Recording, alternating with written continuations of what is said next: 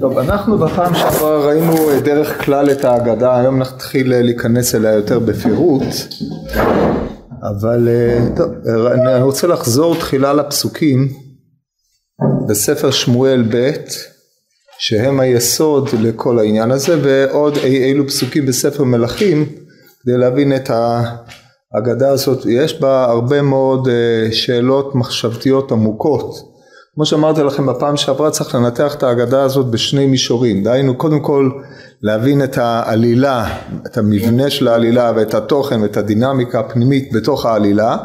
אחרי זה צריך לתת השקפה יותר מעמיקה על כללות העניין שהרי ההגדה הזאת כל כולה נוסדה על שלושה מימרות של רב יהודה המרב שהוא אה, ממבקריו הגדולים של דוד בכולי תלמודה.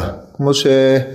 תראו גמרות במסכת אה, סנהדרין בפרק שני, גמרא במסכת שבת בדף נ"ו ועוד אי אילו מקומות הוא אה, אמנם רבי, הוא אומר רבי דעתי מדוד מהפך דעתי בזכותי דוד אבל רב לא בדיוק אה, מהפך בזכותו של דוד ויש שם מבט עמוק ודבר שדורש התבוננות. על כל פנים נתחיל עוד פעם בפסוקים הללו ותהי עוד המלחמה לפלישתים את ישראל. הרקע לכל זה היה אה, הרעב שבא שלוש שנים על ישראל בתחילת פרק כ"א ועל אה, שאול ואל בית הדמים על אשר אה, הרגו את, הרגו את הגבעונים ואז אה, דוד בודק ופונה להשם מה נעשה ויכפר עם, עם ישראל? אז פונה לגבעונים הגבעונים מבקשים אה, שבעה אנשים להוקיע אותם אה, בגבעת אה, שאול.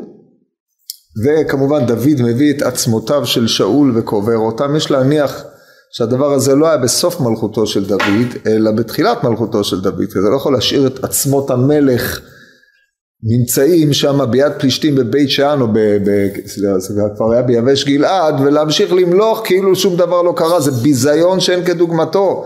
אז הוא החזיר אותם וקבר אותם בגבעת שאול ולכן האירועים הללו מסתבר שהם לא מתרחשים בהכרח בסוף ימיו של שאול שהרי כידוע לכם ספר שמואל לא מסודר בהכרח כל כולו בסדר כרונולוגי. אנחנו לא יכולים להיכנס לפרטים האלה אבל זה נראה די ברור על רקע העניין הזה דהיינו לאחר שהוא עשה חסד עם אה, שאול ועם אה, בניו וקבר אותם ועל אה, בית הדמים. עכשיו אנחנו נזקקים לעניין של בית הדמים דהיינו להריגת נוביר הכהנים. אומר, ה, אומר הכתוב ותהיה עוד מלחמה לפלישתים את ישראל ופה אנחנו נדייק קצת בפסוקים לפני שניכנס להגדה. וירד דוד ועבדיו עמו וילחמו את פלישתים ויעף דוד. אז יש לנו פה אה, תיאור משונה, וירד דוד ועבדיו עמו, במקום להגיד וירדו דוד ועבדיו או וירד דוד ועבדיו, אז יש לנו וירד דוד ועבדיו עמו, הניסוח הזה הוא ניסוח שאומר דורשנו, הוא כנראה יחידאי באופן הזה. וילחמו את פלישתים ויעף דוד, ויעף דוד היינו יכולים להניח שהוא זקן.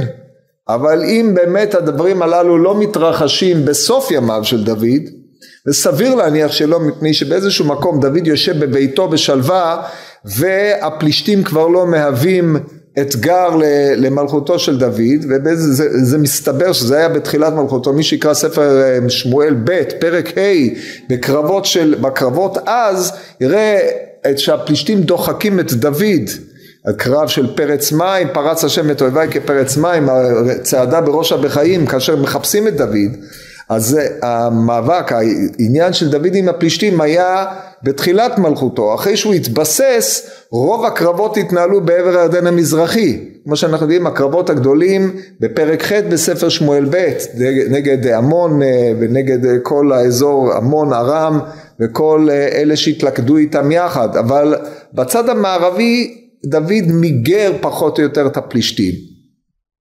ולכן סביר להניח שמדובר בתחילת ימיו, מה עוד שזיכרון גוליית הגיתי עדיין טרי אצלם ולכן אה, הדברים הללו מסתברים אשר על כן ויעף דוד ומן התמוהות כי הרי גם בזקנותו אמרתי לכם אומר עליו ישבי, אומר עליו חושי הערכי ליבו כלב האריה דוד היה אחד מגדולי הגיבורים כן? לפי חז"ל הוא הדינו העצני. עורר חניתו על 800 חלל בפעם אחת.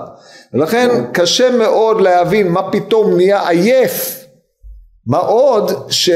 טוב זה יאתגר אותנו עם המשך הפסוקים. אבל על כל פנים צריך לשים לב להוויה אף דוד הזה. וישבי בנוב אשר בילידי הרפה.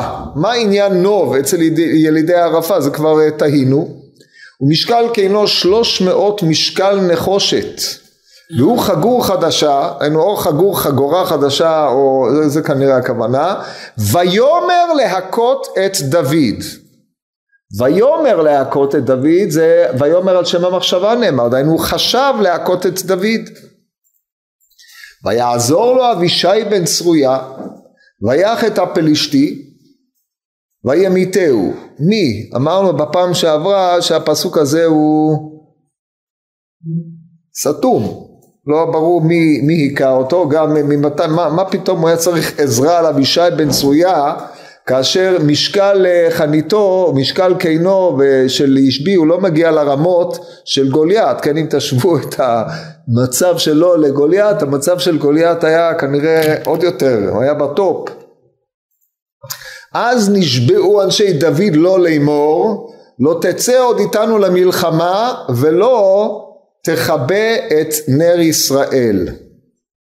הכפל הזה ולא תכבה את נר ישראל זה תוצאה. אם אתה תצא איתנו למלחמה אתה תכבה את נר ישראל. מי חיטה איתי? דוד הרי יצא בראש הצבא כמה וכמה פעמים אחרי זה הפסוק אה, מתאר עוד אילו מאבקים שהיו בגוב, בגוב ובגת. כן גוב זה כנראה גזר לפי המפרשים. כל פנים כל הדברים הללו נמצאים באזור, המזרח, באזור המערבי של ארץ ישראל, זה חבל הבשור, כל האזור הזה והוא הדין לגת שהם מראים פלישתיות מובהקות, אבל נוב היא לא ולכן על זה נוסדה הדרשה של חז"ל, כן, לא ניכנס לשאלה של פשוטם של מקראות, אבל לפי מדרשם של מקראות, השביא בנוב הצירוף הזה, ודיברנו עליו בפעם הקודמת, הוא צירוף שמופיע כל פעם כאחד, השם של האיש כשלעצמו לא מעניין אותנו, מה שמעניין אותנו זה הצירוף השביא בנוב, ישבי בנוב לאורך כל הסיפור הוא מכונה כך, בנוב אם כן הוא לא תיאור של המקום שבו האיש מתגורר או המקום שבו היה המאבק עם דוד, אלא חלק מהאפיון של אותו איש שהקדוש ברוך הוא כביכול הקים על דוד בכדי אה, ל, שדוד אה, צריך לשלם על איזשהו עוון כמו שנראה. אז זה מה שעולה מן הפסוקים הללו. עכשיו בספר אה, מלכים גם במלכים וגם בדברי הימים הסיפור הזה מופיע במלכים באלף מלכים ב' י"א העניין הוא כך יהושפט היה התחתן עם אחאב והבן של יהושפט יהורם נשא את עתליה בת עמרי והיו לו ממנה כמה בנים כאשר אה, אה, הבן שלו היה אחזיה. אז הכתוב אומר כך נמצא את המקום חשוב לנו לשים לב לפסוקים האלה ולהבין את יסוד הדרשה. כן, במלכים ב' אה, פרק י', י', י"א, י"א. ואתה, כן, אז um, כתוב לפני זה, כאשר um, יהורם, יהורם בפרק ח' במלכים ב', נושא את, אה, הנה בפרק ח' פסוק כ"ה בשנת 12 שנה ליהורם בן אחאב מלך ישראל מלך אחזיהו בן יהורם מלך יהודה. ויהורם עצמו בפסוק ט"ז בשנת חמש ליהורם בן אחאב מלך ישראל ויהושפט מלך יהודה מלך יהורם בן יהושפט מלך יהודה. בן שלושים ושתיים שנה היה במולכו שמונה שנים הלך בירושלים וילך בדרך מלכי ישראל כאשר עשו בית אחאב כי בת אחאב הייתה לו לאישה ויעש הרע בעיני אדוני.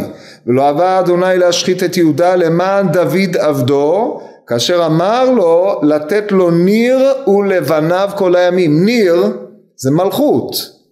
ונירם עבד תירוש, כן, עבד, אה, כן, ונירם עבד מה שעבד, וזה מה שנקרא ולא תכבה את נר ישראל, נר ישראל זה ניר, זה היינו המלכות, כן, כאשר אמר לתת לו ניר ולבניו כל הימים, טוב, אז אחרי אה, כל העניינים הללו הוא מת ואחזיה בנו אה, נהרג על ידי יהוא, אז אנחנו מגיעים בפרק י"א ועתליה אם אחזיהו ראתה כי מת בנה ותקום ותאבד את כל זרע הממלכה. היינו משמידה את כל הצאצאים שלה הנכדים שלה. טירוף ותיקח יהושבע בת המלך יהורם אחות אחזיהו את יואש בן אחזיה ותגנוב אותו מתוך בני המלך המומתים זאת אומרת גם הוא היה מומת כי אחרת אי אפשר לגנוב אותו מתוך בני המלך המומתים, אלא שהוא היה מומת אבל לא מת, שימו לב, מרתק. ואת מניקתו בחדר המיטות ויסתירו אותו מפני עתליהו ולא הומת. ויהי איתה בית אדוני מתחבא שש שנים ועתליה מולכת על הארץ. זאת אומרת אף אחד לא יודע עליו, הוא תינוק, כך שהוא היה במצב אנוש כנראה אבל uh, תינוק לא בודקים יותר מדי, היא הצילה אותו. אלמלא שהייתה מצילה אותו, לא היה נשאר שום דבר מזרע הממלכה. זה הרקע, וכל זה למה? מפני שהם התחתנו עם משפחת uh, אחאב, ומתוך קנאתה לזה שהרגו את uh, אחזיה ואת משפחת אחאב, אז היא קנאה והשמידה את כל זרע דוד. נורא ואיום. טוב זה הרקע לסיפור דנן. עכשיו נגיע לסיפור שלנו. אני חוזר עוד פעם בגמרא ונתחיל לנתח את זה לאט לאט. וישבי בנוב אשר בילידי ערפה שואלת הגמורה מה ישבי בנוב? אמר רבי יהודה אמר רב איש שבא על עסקי נוב.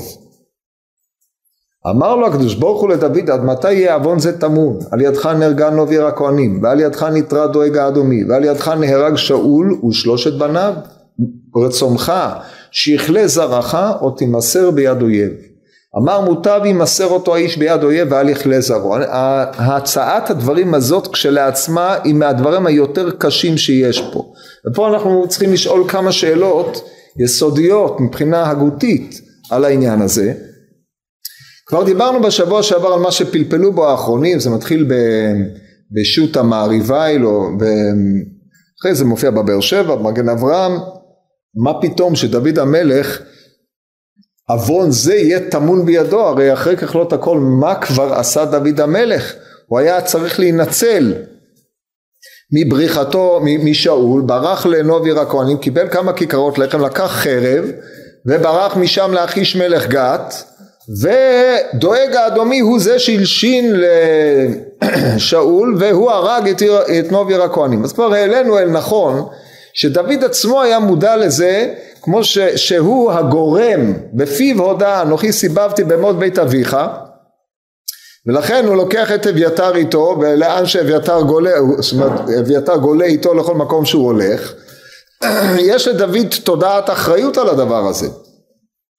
ותודעת האחריות הזאת כנראה מיוסדת על זה שדוד המלך שיקר לאחימלך שהיה נאמן לשאול חד משמעית אחד מהנאמנים הגדולים לשאול כפי שעולה מדבריו. אילו היה אומר לו תראה המלך רודף אחריי אני בורח ממנו אני מבקש שלא תסגיר אותי לידו או הוא אומר אני לך לא יכול לסייע. אני אם אני מסייע לך אני מורד במלכות אני מצטער מאוד לא יהיה לא יקום ולא יהיה אבל דוד הביא אותו לחשוב שלא זו בלבד שהוא לא, לא נרדף אחרי שאול אלא שהוא הולך בשליחותו של שאול ואם הוא לא יסייע לו אז הוא בעצם מורד במלכות מפני שהוא לא מסייע לשאול. זאת אומרת עד כדי כך הגיעו הדברים. זאת אומרת דוד סיבב את פני הדברים באופן שלא הייתה לאחימלך ברירה עד כדי כך שהיה צריך להוציא את לחם הפנים החוצה ויש פלפלו כבר במפרשים כבר בגמרא מסכת מנחות איך הדברים הללו יכלו להיעשות כי אל תשכחו זה היה ביום השבת. לחם חום כיום מלקחו ודוד בורח משם כנראה יצא מהתחום אלפיים אמה אמנם י"ב מיל אלפיים אמה. בקיצור זה היה מצב של חירום כמו שכתוב במדרשים שמסוכן היה מסוכן, דהיינו חולה למות, אבל הוא היה גם מסוכן מצד אחר, הוא היה נרדף, מה יכול לעשות? עם כל הכבוד לדיני תחומים, פיקוח נפש דוחה גם את התחומים, והוא היה צריך לברוח, ופיקוח נפש בלי חרב, זה לא יעזור לו כלום, הוא היה צריך אה, חרב מפני אה, אילו עניינים שירדפו אחריו, או גייסות אחרים. ולכן דוד המלך בשבת קודש מקבל את אותם לחם הפנים ובורח. הוא מעמיד את כל נוב עיר הכהנים כעיר שבגדה במלך. כאשר כל מחשבתה הייתה עיר שסייעה למלך. זה הצגת הדברים המהימנה שאני יכול ככה נראה לי וככה עולה מלשונות הכתובים. על זה נוב עיר הכהנים הושמדה על ידי שאול. עכשיו דוד המלך עשה תשובה, כמובן, אבל אה, אחרי ככלות הכל מלכותו מוכתמת באותו חטא. חטא, מפני שאם הוא היה אומר את האמת, הוא היה נמסר ביד שאול. ואז אנחנו איננו יודעים את תוצאות מסירתו ביד שאול, אבל דבר אחד ברור, נוב עיר הכהנים הייתה ממשיכה לעמוד עד, אה, עד שהיו בונים את המקדש. ואם כן, דוד אחראי או סיבב, כמו שהוא עצמו ניסח את זה, במות נוב עיר הכהנים. ודבר נוסף, הוא רואה שם את דואג האדומי, הוא יודע מי הוא בדיוק, הרי הם לחמו כתף בצד כתף כאשר הם היו במלחמות הפלישתים, כי הוא היה אביר הרועים אשר לשאול, והוא הכיר אותו היטב, והוא יודע שהוא ילך וילשין, אם כן הוא מזמן לו, מכשיל אותו בדבר ברור. מכשיל אותו בידיים. עכשיו, זה לא מסיר שום אחריות מדואג, שהרי דואג זה מארבע אדיוטות שאין להם חלק לעולם הבא. ואנשי אנשי דמומר לא יחצו עמהם ואני אפתח בך, כן, לפי הגמור מת בגיל שלושים וארבע. על כל פנים דואג, דוד המלך זימן לו את החטא. ומדיני מדיני לפני עיוור לא תיתן מכשול לשון הרמב"ם יכין אפילו בטרבר דנא הרמב"ם פוסק על פי דלא זאת אומרת יש מחלוקת גדולה בעניין הזה אבל הוא מזמן לו את סיבות המרי המובהקות ביותר וממילא על ידך נהרג שאול ושלושת בניו מפני שלא היה לו זכות. לא ענני השם עוד לא באורים לא, לא, לא, לא בנביאים, לא בחלומות, אבל באורים ותומים, ודאי שהוא לא ענה לו, מפני שהאורים ותומים לא היו שם, כי אתה השמדת את כל נוב עיר הכהנים. מה שאומרת הגמרא בברכות בי"ב. אשר על כן גם זה שנהרג שאול מפני שהוא היה צריך ללכת לחפש את בעלת האוב ולא היה יכול להזדקק לכהנים כל זה מתגלגל על ידך. כללו של דבר זה שהמלכות שלך עכשיו מבוססת ומלכותו של שאול היא פרק ששייך להיסטוריה כאשר עכשיו רק הבאת את העצמות שלו מיבש גלעד כל זה מכתים את כשרות המלכות שלו. זאת נקודת המוצא. עכשיו מלכות, שאול אומר את הגמורה ביום עם מלכות שאין בה דופי. מלכות של דוד היא מלכות שקמה על הדופי. הריגת נוב עיר הכהנים. עכשיו צריכים לקחת בחשבון שנוב עיר הכהנים כולם צאצאי עלי הכהן, הם כולם מבני תמר. וכבר הובטח לו לעלי מרבית, מרבית ביתך ימותו אנשים כן? וגם כתוב שלא יקרא, לא אחרית את ביתך הכוונה לא אחרית את ביתך אלא תמיד אתם תהיו במצב נחות ותראו איך אחרים עובדים ואתם לא. כמו שהתגלגל ואירע לאביתר בסוף ה, סוף מלכות דוד אבל קללה רובצת עליהם. אנא מעלי קעתינא אומרת הגמורה ולכן אה, יש כללה על בית עלי, אבל זה לא משנה, אתה הוא היית הגורם במקום הזה שהבאת עליהם את מה שקרה. רגע, איך אצל שאול לא היה שום דופי מה זה מלך? מלכות שאין בה דופי זה לא שהוא לא חטא, כן, הרי כתוב שאול באחת ועלתה לו, דוד בשתיים ולא עלתה לו, אבל מלכות שאין בה דופי כולם אנשים מיושרים, ענבים, בעלי מדרגה, ככה הגמרא אומרת, מימרה של, לפי מיעוט זיכרוני, מימרה של רב. בסרט יום במכ"ב. לא נכנס יותר לפרטים, כן.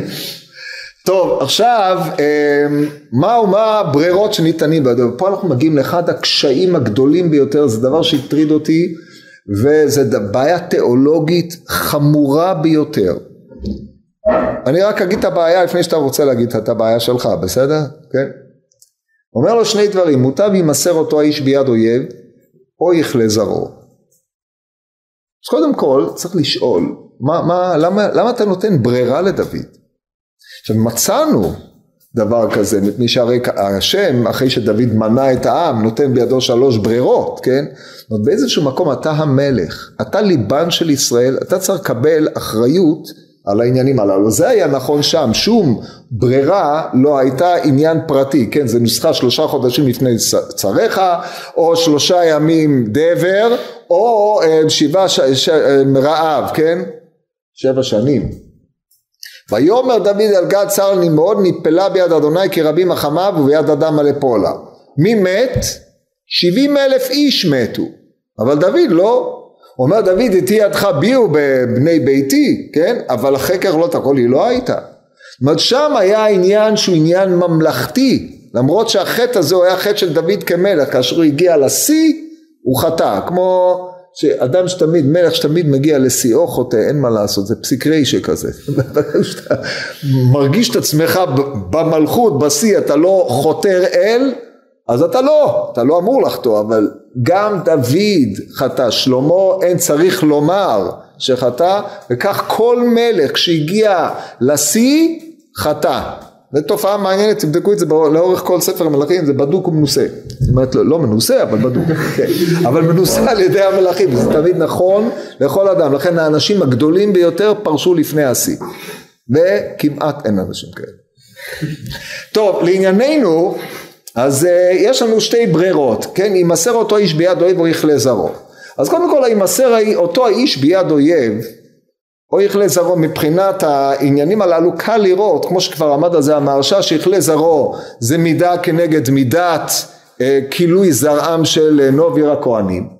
יימסר אותו האיש ביד אה, אויב גם הוא בנוי על נוב עיר הכהנים שאילו לא שיקרת לאחימלך אלא היית מציג את העובדות כהווייתן שאתה בורח מפני המלך והיית מבקש ממנו עזרה, מה שהוא היה עושה כנאמן, הוא היה מוסר אותך ליד המלך. לכן שתי הברירות הללו הן החזרה לאחור. אתה צריך לכפר על אותה נקודה כאשר אתה עומד ובוחר בחירה שמביאה לכילויו של נוב עיר הכהנים. אלא שפה יש לנו כמה וכמה שאלות. נתחיל בימסר אותו האיש ביד אויב. מה, מה, מה התועלת? מה משמעותם של דברים? אז דבר ראשון צריך לדעת, אומרת הגמורה בבבא בתרא בחטא עמוד ב', שבי קשה מן הכל דכולו יתנו בי. דהיינו, להימסר ביד אויב שזה בחינת שבי, ואין צריך לומר שבי של מלך ישראל, זה הדבר הקשה מכל האיסורים, כולו ייתנו בי רעב, חרב, מה שאתם לא רוצים, יהיה שם. וכאשר מלך ישראל נמסר בשבי ביד אויב, מתבטלת מלכות דוד האיש. הוא מפסיק להיות מלך. איך מלך יכול להיות מלך כאשר כל כולו מסור ביד אויב ולא זו בלבד אלא האויב שהוא מסור בו זה, האויב, זה מי שאת אחיו הוא היכה ועל ידו עלה לגדולה שזה נקודת החיבור בין הדברים זה יימסר אותו האיש ביד אויב. אבל מה התועלת בדבר הזה? זאת אומרת אולי זו שאלה לא לגיטימית אבל מה, מה זה ייתן? מה ייתן שדוד יימסר ביד אויב? אז אין לנו אלא בנקודה הזאת, וזו שאלה מטרידה, זאת אומרת מבחינת ההנהגה האלוקית, מה זה עושה? אז פה זה בוודאי מרוק עוון, זה עוון שהוא כתם על כל מלכות בית דוד שהיא בעוון קמה, אז באיזשהו מקום צריך לחזור אל הראשונות, להימסר ביד אויב ואז המלכות או צאצאיו יקומו, יתכפר לו העוון ומלכות בית דוד שתמשיך מזרעו שכבר קיים, היא תהיה מלכות ללא דופי. דוד היה צריך לשלם על הקמת מלכותו בחטא בזה שתתבטל מלכות דוד האיש, אבל תמשיך מלכות של דוד, בית דוד. זה כנראה העניין וזה כפרה על, אה, על העניין והדבר הזה אם כן חורז לנו את נהרג שאול ושלושת בניו.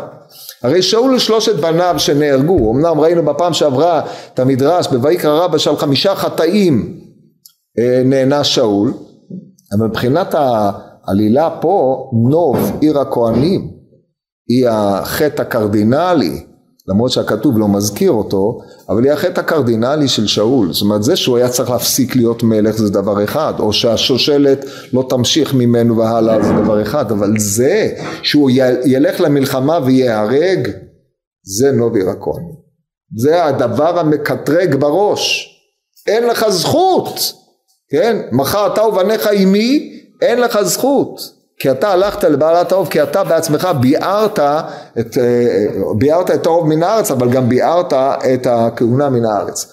ולכן, דוד, אתה על זה קם, אתה צריך להיות כמו שאול, להימסר ביד אויב. אבל הצד השני הוא פלא, יכלה זרעו.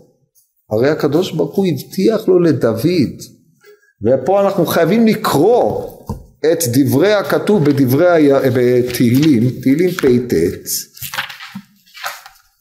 שהשאלה הזאת כבר שאל המשורר בתהילים, לא אני, אני רק קורא אותו, מתפעל מהפרק המדהים הזה בתהילים.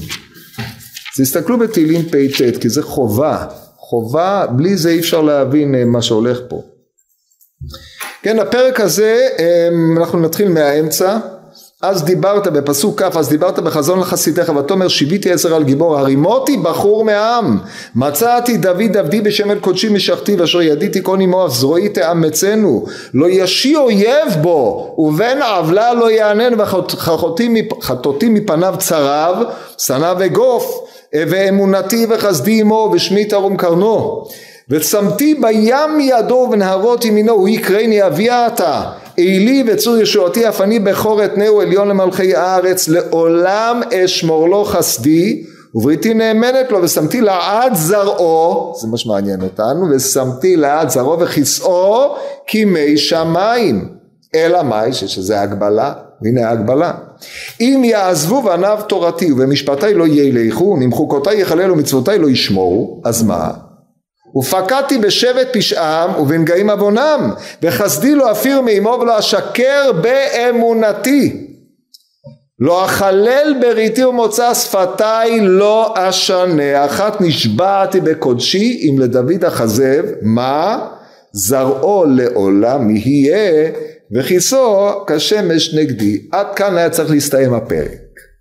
אלא מה? שיש לו המשך. עכשיו אתם רואים זה בעצם פיתוח של מה שכתוב בשמואל ב' פרק ז' בהבטחה שהשם מבטיח לדוד.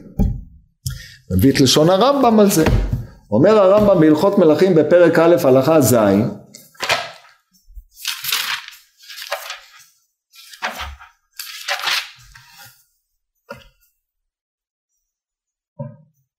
כיוון שנמשך דוד זכה בכתר מלכות שימו לב כיוון שנמשך דהיינו בשמואל א' פרק ט"ז, כן? זה הפרק של המשיכה של דוד.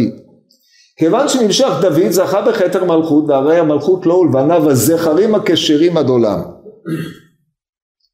שנאמר כסאך יהיה נכון עד עולם ולא זכה אלא לכשרים. שנאמר אם ישמרו בניך בריתי זה מה שקראת זה, זה מקבילה תהילים בקל"ב אף על פי שלא זכה אלא לכשרים לא תיכרת המלכות מזרע דוד לעולם. זרע דוד הכוונה שלמה. כך הרמב"ם באיגרת תימן. למה הוא קבע לי המחשב? כן. אמ, לא תקרא מזרע דוד לעולם. הבטיחו הקדוש ברוך הוא בכך שנאמר אם יעזבו בניו תורתי ומשפטי לא יהיה לאיכון. פקדתי בשבט פשע מנגנים מעוונם וחסדי לא אפיר מאמו רמב"ם מפורש אז עכשיו השאלה הגדולה היא, איך הקדוש ברוך הוא מאפשר צד בתנאי יכלה זרעו אחרי כל הדברים והאמת האלה? מה זה? אחד הקשיים החמורים שיש. זאת אומרת זה ברור מאיפה רב הסיק את המסקנה הזאת, שהרי זה מה שקרה, כן? כמו שראינו, ותליה ותקום ותאבד את כל זרע המלוכה. אבל איך הדבר הזה אפשרי אחרי ההבטחה? זו הבטחה מבחינת ברית מלח, ככה כתוב בספר דברי הימים, שאביה עולה ואומר לירובעם שהקדוש ברוך הוא נתן את המלוכה לדוד ברית מלח. ברית מלח זה ברית שאין לה הפסק. אז איך זה יכול להיות? את זה שאל המשורר בתהילים, אסף. איתן האזרחי, סליחה, ואומר, ואומר כך, ואתה זנחת ותמאס, התעברת עם משיחיך, ניערת ברית עבדיך, חיללת לארץ נזרו, נזרו זה כתרו, פרצת כל גדירותיו, שמת מבצריו מחיתה, שסו כל עוברי דרך, היה חרפה לשכניו, הרימות הימין צריו, הסמכת כל אויביו, אף תשיב צור חרבו ולא כמותו במלחמה. הקצרת ימי אלומיו, אה, סליחה, השבעת מטהרו וכסאו לארץ, ניגרת, הקצרת ימי אלומיו, העתית עליו בושה סלע. שזה בעצם אומר, מה קורה כאן? הכל הפוך ממה שהבטחת, הבטחות לא נתקיימו, זה נכון שבניו לא הלכו בדרכיו וכולי וכולי, אבל עד כדי כך, עכשיו תשימו לב, כמו שאשתי אמרה לי, אם הפרק היה מסתיים פה, לא היה מכניסים אותו לספר תהילים. כי זה כפירה בברית, זה הרי אחת האמונות שלנו, אנחנו מאמינים בבוא משיח צדקנו. עכשיו המשיח מזרע דוד. בניגוד למה ש... לא, לא יודע אם זה בניגוד, אבל צריך לדעת שהאמונה במשיח, כמו שאומר מדברי הרמב"ם, זה האמונה שחוזרת התורה, משפטי תורה יקוימו בשלמותם, כן? מה שאנחנו מייחלים לו, מדינת הלכה, מה שקרוי, כן? הלכה במובן השלם והברור, כן? לא כמו שחושבים אלה שלא יודעים שום דבר בהלכה ולא אחרים. באיזשהו מקום אנחנו עדיין לא יודעים איך הדבר יהיה עד שיהיה כמו שמנסח את זה הרמב"ם אבל שחוקי התורה חוזרים כמקדם. זה בחינת חדש ימינו כקדם איזה קדם? ימיו של משה רבינו. זה האידאה. מדינה שכל התורה כל העם הולך על פי דרך התורה. זה תפקידו של מלך המשיח מי שאחראי אה, לייסד את זה זה מלך ישראל ומקובלנו שהוא יהיה ממלכי בית דוד. זאת אמונתנו. אבל אתם רואים שהמצב הוא עדיין לא כך. זאת אומרת בעצם ההבטחה לדוד אנחנו רואים בפועל שאחרי חורבן הבית התגלגלו הדברים. אומנם היה זרובבל משם ואילך לא. שום דבר. אז uh, יש קושייה גדולה מאוד מה עם מלכות בית דוד? עכשיו תשמעו את המשך הכתוב בתהילים עד מתה, עד מה אדוני תסתר לנצח, תבער כמו אש קנתך, חמתך. זכור אני מחלד על משב בראת בני אדם. מגבר יחיה ולא יראה מוות, ימלט נפשו מיד שאול סלע, אייך שדיך הראשונים אדוני נשבעת לדוד באמונתך זכור אדוני חרפת עבדיך שאיתי וחיקי כל רבים עמים אשר חרפו אויביך אדוני אשר חרפו עקבות משיחיך זה סוף הפרק. ואז כמובן סיום פר, ספר רביעי של תהילים הוסיפו מתי שהוסיפו ברוך אדוני לעולם אמן ואמן אבל זה לא קשור לגופו של הפרק. הפרק מסתיים עם בקשה זכור השם כמו באיכה. זאת אומרת יש פה קושייה גדולה ריבונו של עולם אנחנו מאמינים אנחנו יודעים בוודאי. זה שהמצב הוא לא כזה זה קושייה גדולה על הברית. אבל אנחנו איננו כופרים. אנחנו מייחלים מתי תחזור ותכונן את אה, זרע דוד תעמיד מלוכה לישראל וכל מה שכרוך בעניין הזה. ברוח הדברים הזאת צריך להבין את מה שכתוב בספר דין. כששאלתי דיברתי בבית עם בני משפחתי אז אמרה לי הבת שלי מה, מה אתה מתפלא? גם בעקדה היה כך. הבטיחו לאברהם אבינו את מה שהבטיחו ואחרי זה אמרו לו תעקוד את בנך.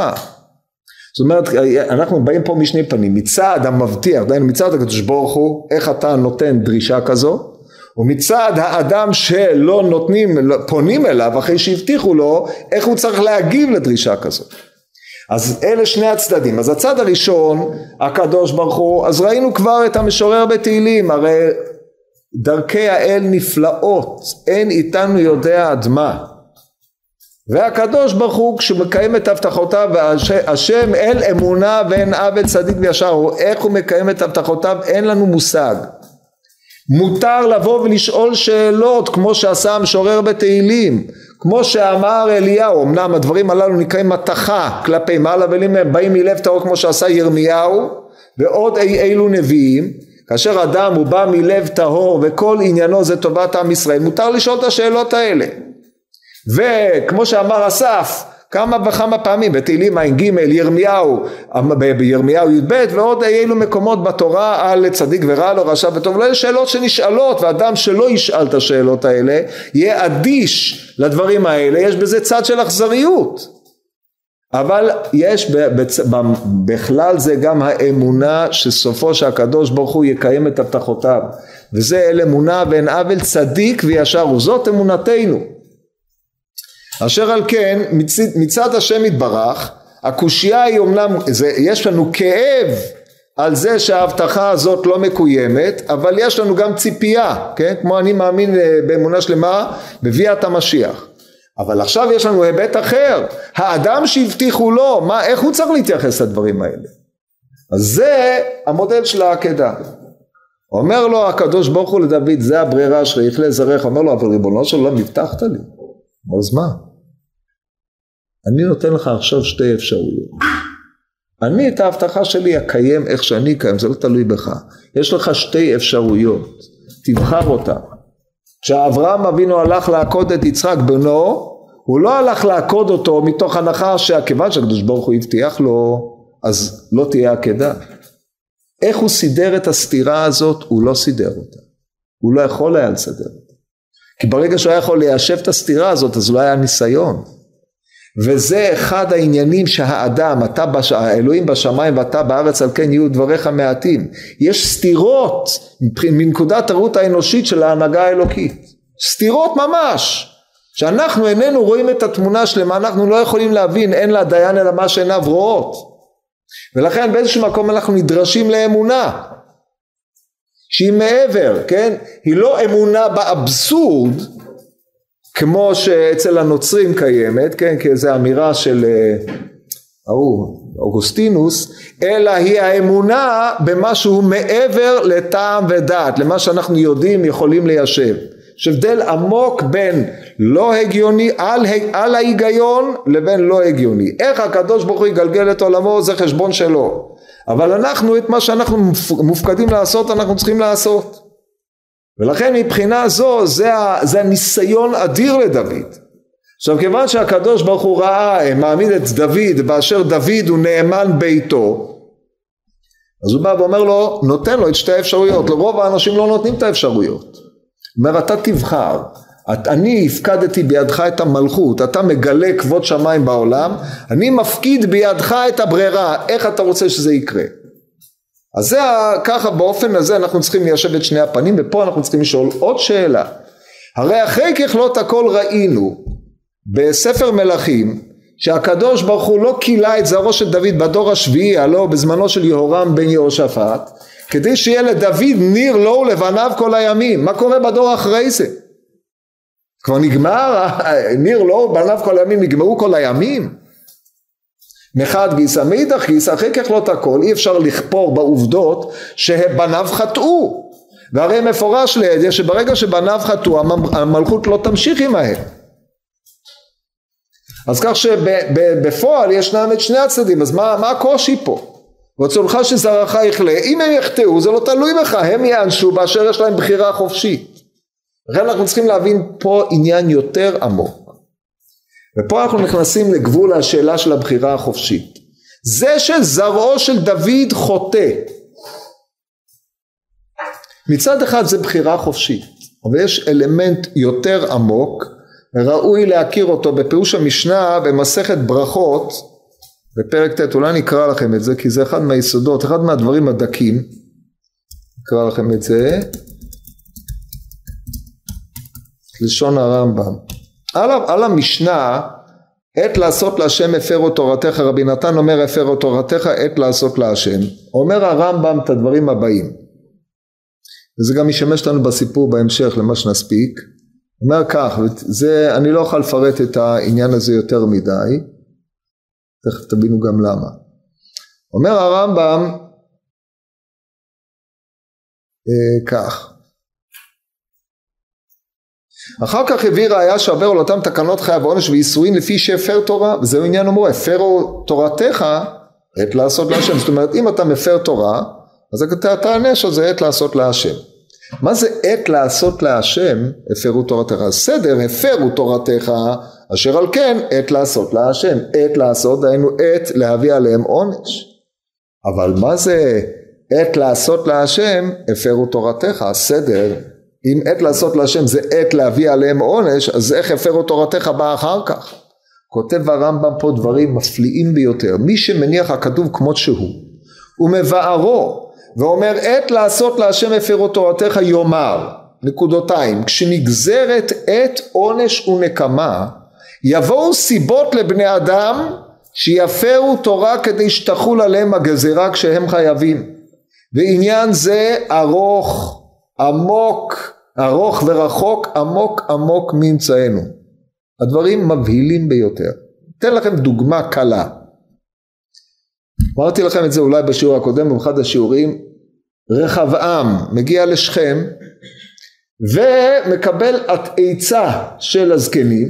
אנשים מלומדים שמבינים עניין. דהיינו אנשים שיש להם ניסיון פוליטי עשיר והם מכירים את הלך הרוח של העם אם תהיה עבד לעם הזה ודיברת עליהם דברים טובים וכו' וכו' עבד לעם קוידש בקיצור או באים אליו הנערים ואומרים לו תגיד לי זה נראה? מי הם בכלל? ככה ידברו אליך? אתה המלך מי הם? אספסוף נבער שלא מקבל את השלטון של המלך הנאצל בנו של שלמה. איזה, איזה זכות בכלל יש להם לפתוח את הפה? תגיד להם קוטוני אברהם ממותני אבי אבי ייסר אתכם בשוטים שימו לב זה נורא ואיום להגיד את זה אבל תדעו ששלמה ייסר אותם בשוטים. זה מבהיל. ואני אייסר אתכם בעקרבים. דהיינו עם שפיצים בשוטים כן? זה עקרבים ככה לפי הפירושה. ואמר עכשיו מי, מי עושה את השטות הזאת? תגיד לי זה שאתה מגיע לשכם כדי לסגור את עסקי המלוכה והם לא באים אליך בירושלים אומר, אומר דורשני אומר שאתה לא שולט. כן עם כל הכבוד לך בגיל 41 לא, לא ברור איך אבל יהיה העניין אשר יהיה אחרי ככלות הכל אתה לא שולט יש פה אנשים שאומרים אדוני אנחנו עושים תנאים אז אתה מת, מתייחס אליהם כאילו הם נבער אספסוף שלא מבין שום דבר ואתה תכפה אותם בכוח מה תעשה את זה זה שטות שאי אפשר לתאר אחד הטעויות הטרגדיות ביותר של מלך למה זה קרה? למה? מה כתוב? סיבה בעת השם מה זאת אומרת סיבה מאת השם? לא היה לו שכל? לא היה לו בחירה חופשית? היה לו הוא בחר בזה מפני שהשם אמר לירובעם על ידי אחיה השילוני שככה זה יהיה, הוא אמר את זה לשלמה, כן, שהשם יקרא את הממלכה ממנו. אז השם מגלגל את הסיבות, זה הפרו תורתך, למה? כי עת לעשות להשם. זאת אומרת כשמגיע, או עת לעשות להשם, סליחה, כשמגיע עת לעשות להשם, דהיינו, שהגיע הזמן שהקדוש ברוך הוא קבע מה שצריך לקרות, אם עם ישראל מחזיק בתורה זה לא יקרה, אז נגרמים הסיבות שהם יפרו תורה. אומר הרמב"ם ועניין זה ארוך ורחוק עמוק עמוק מאמצענו כי נצא מזה לשאלת השכר והעונש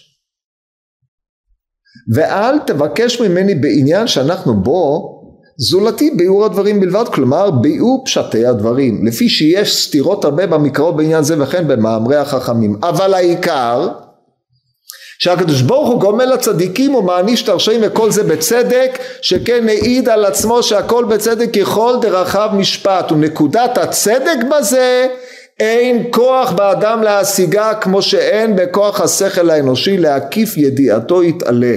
וכבר הודיענו יתעלה שהם בכוח תבונתנו להשיג חוכמו וצדקו, חוכמתו וצדקו בכל מה שעשה ויעשה והוא אמרו כי גבהו שמיים מהארץ כן גבו דרכי מדרכיכם ומחשבותיי ממחשבותיכם. לא צריך להוסיף על זה הכל קילורים לעיניים. עכשיו הדבר הזה חוזר אצלנו. למה אני הבאתי את זה? זה בדיוק באותו עניין יכלה זרעו. איך יכלה זרעו? כולם צדיקים הולכים בדרך הטוב הישר כן יהושפט. אם מי שיקרא ספר דברי הימים ב' פרק י"ט תראה את השבת השלטון שלטון החוק לישראל על ידי הכהנים. דהיינו שישפטו בצדק ילמדו את העם תורה זה יהושפט. שהיה רואה תלמיד חכם אומרת הגמרא רואה תלמיד חכם היה רץ אחריו ונושק אותו ואומר לו רבי רבי וכולי וכולי ויגבה ליבו בדרכי השם כתוב על יהושפט הבן שלו מה היה? נורא ואיום, נורא ואיום, עמדו להשמיד את ממלכת יהודה בגלל זה. הפסיד את כל מה שאבא שלו הרוויח, בימיו פשע אדום, פשטה לבנה, כל הדברים הללו, למה? למה זה קרה? זה רב שואל את עצמו. אומר רב, נחזור לדברי הגמרא, עת לעשות להשם, אה זה הפרו תורתך. עכשיו נחזור לדוד המלך, אומר אתה רוצה שיחיה זרעך, פירושו של דבר יגיע זמן שהזרע שלך לא ילך בדרכך. וכל זה למה? כדי להביא ולכפר על מלכות בית דוד, על אותו כתם של הריגת נוביר הכהנים. באופן הזה אנחנו צריכים לראות את הדברים האלה. זאת אומרת, כשאנחנו נותנים לאיזשהו, לדוד אחריות על מה שיקרה לזרעו, מבחינת זרעו הם בחרו. אבל הבחירה הזאת שהם בוחרים עכשיו באיזשהו מקום מתגלגלת מכוח מעשיו של דוד וזה העניין מעין זה רק שנייה אחת מעין זה מה שהרמב"ם מסביר על אמ, עונש של, אמ, של מצרים זה בנוי גם, גם העקידה הולך בדרך הזאת, מה טוען הרמב"ם? הוא אומר דבר כזה, הקדוש ברוך הוא גזר ידוע תדע כי גר יהיה זרעך בארץ עוליים ועבדו ועינו אותם ארבע מאות שנה וגם את הגוי אשר יעבודו דן אנוכי, הייתה לגוי ברירה? כן, זה היה קורה, אבל מי אמר שאתה היית צריך לעשות את זה?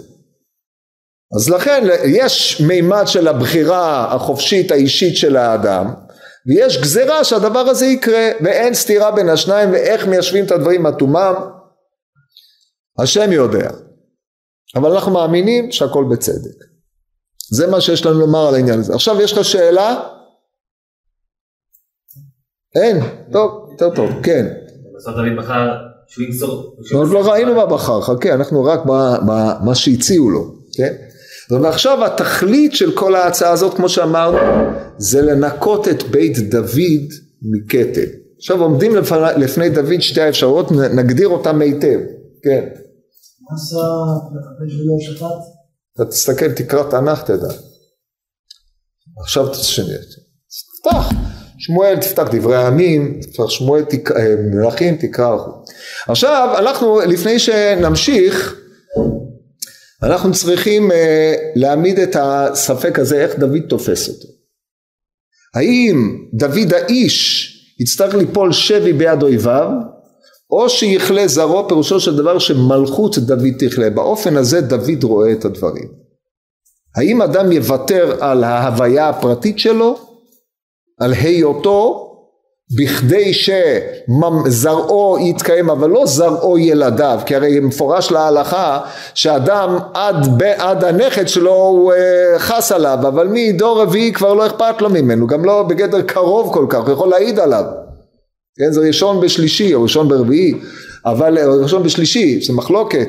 אבל אה, מכל מקום דוד שמדבר על זרעו זה לא האנשים הפרטיים כי הוא אף פעם לא יכיר אותם כמובן אלא הוא מדבר על מלכות בית דוד שתכלה.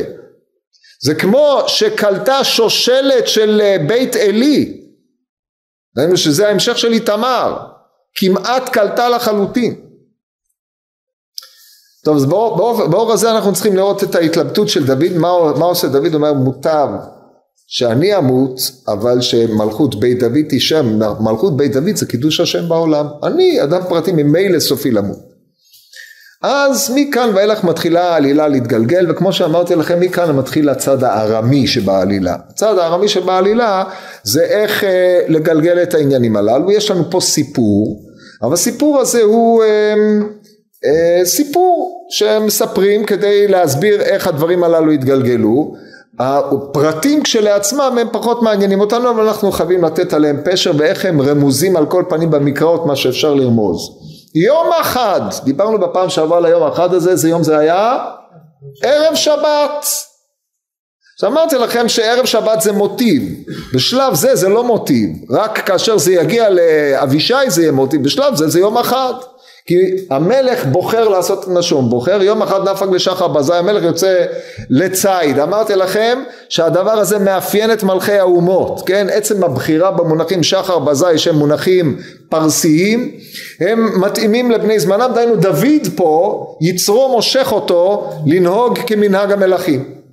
עתה שטן נדמה לבתביה פתק גירא ולא מתיי רהט מקמי רהט בתרי משחיה דאם תהיה למחנה פלישתים. זאת אומרת לענייננו יצרו, יצרו של דוד באיזושהי קונסטלציה הביאה אותו להתעמד למחנה פלישתים. אמרתי לכם מחנה פלישתים? המונח הזה שמופיע בכתב יד התימני מורה על מלחמה. לא ערא דה פלישתים כמו שמופיע בכתבי יד, כמחנה זה לשון משונה, אלא יש פה איזשהו רצון של התגרות, וירד דוד ועבדיו עמו. למה הרצון הזה? האם ההתגרות הזאת היא נחוצה או לא, הכרחית או לא? לא. התגרות יצרית, לכן השטן כביכול מושך אותו. וכל אימת שאתם מוצאים שטן זה יצר הרע.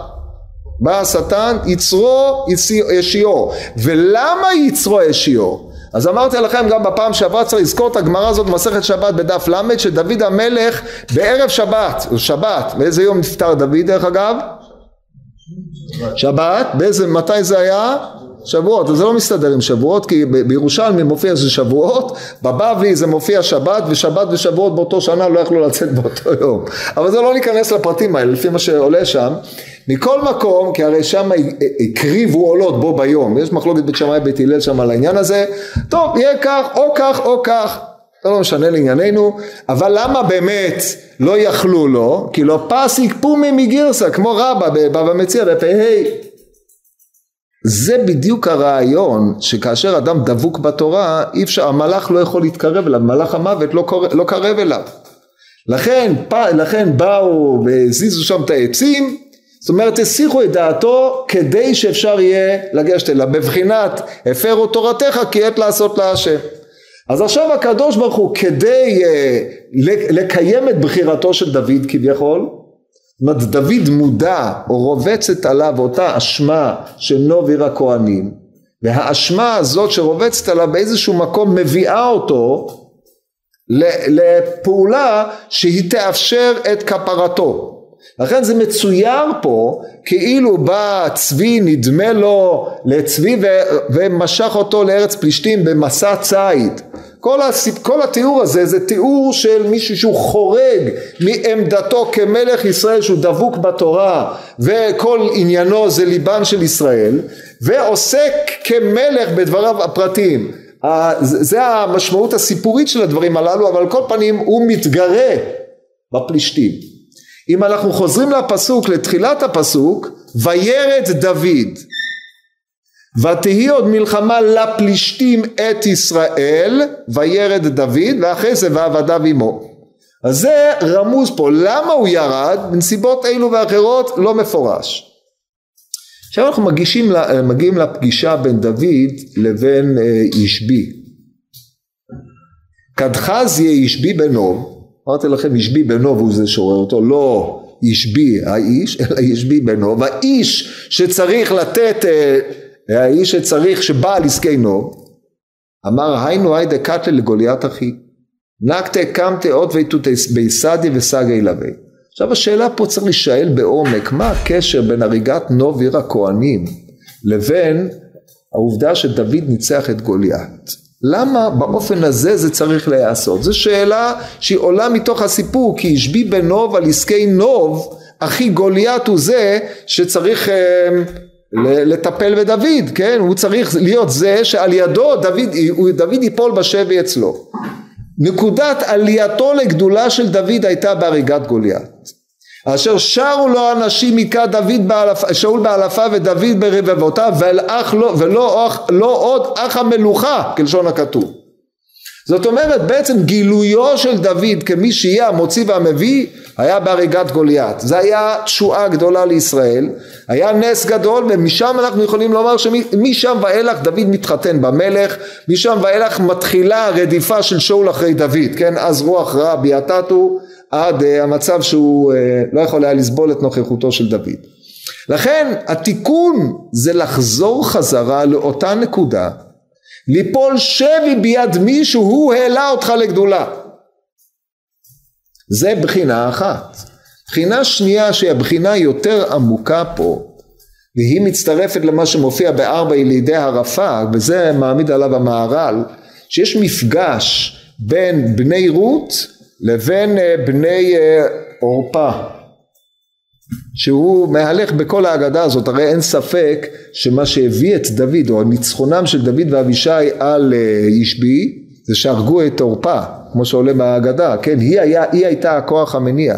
לכן בהגדה הזאת מה שעומד ברקע שלה זה המאבק כביכול, לא, לא המאבק אלא המתח שבין בני הדבוקה הלא היא רות לבין בני הנשוקה הלא היא עורפה. כאשר עורפה פונה והולכת ומקימה, היא, היא מואבית, אבל באיזשהו מקום היא מקימה ארבע ענקים שהם כולם נמצאים בממלכת פלישתים והם מהווים האתגר, הם אתגר לא לממלכת ישראל אלא אתגר לדוד. זה המפגש בין רות ודוד, מה ההמשך הנכון, מה ההמשך הראוי, האם ההמשך הראוי יהיה הוא ברפאים שמופיעים אצל, אה, אצל הפלישתים או שההמשך הראוי יהיה בדוד ואנשיו, אנשי המוסר. הפגישה הזאת ביניהם היא הפגישה של התיקון של אה, עורפה ורות. ומסביר המהר"ל שכיוון שעורפה פרשה אז זה בחינת חכם שפירש מן התורה שהפירש שנה ופירש אומרת המשנה במסכת חגיגה אומרת המשנה שנה ופירש זה גרוע מכולם. זאת אומרת האיבה הפנימית היא הופכת להיות אתגר. אני, אני פרשתי את לא ולכן יש קנאה מתמדת ושנאה מתמדת שבאה לידי ביטוי בבניהם. עכשיו היא יש לה כוחות גדולים מאוד לעורפה תחשבו כמה שנים היא חיה. אם כי לפי חז"ל שלמה הציב לרות כיסא לידו בבית המלוכה אז גם היא חיה כנראה הם חיו הרבה שנים שם כל, על כל פנים לפי המדרש. עכשיו זה המפגש ביניהם ומכאן ואילך המפגש שהולך ומתעצם. אנחנו נראה את זה בעזרת השם בשבוע הבא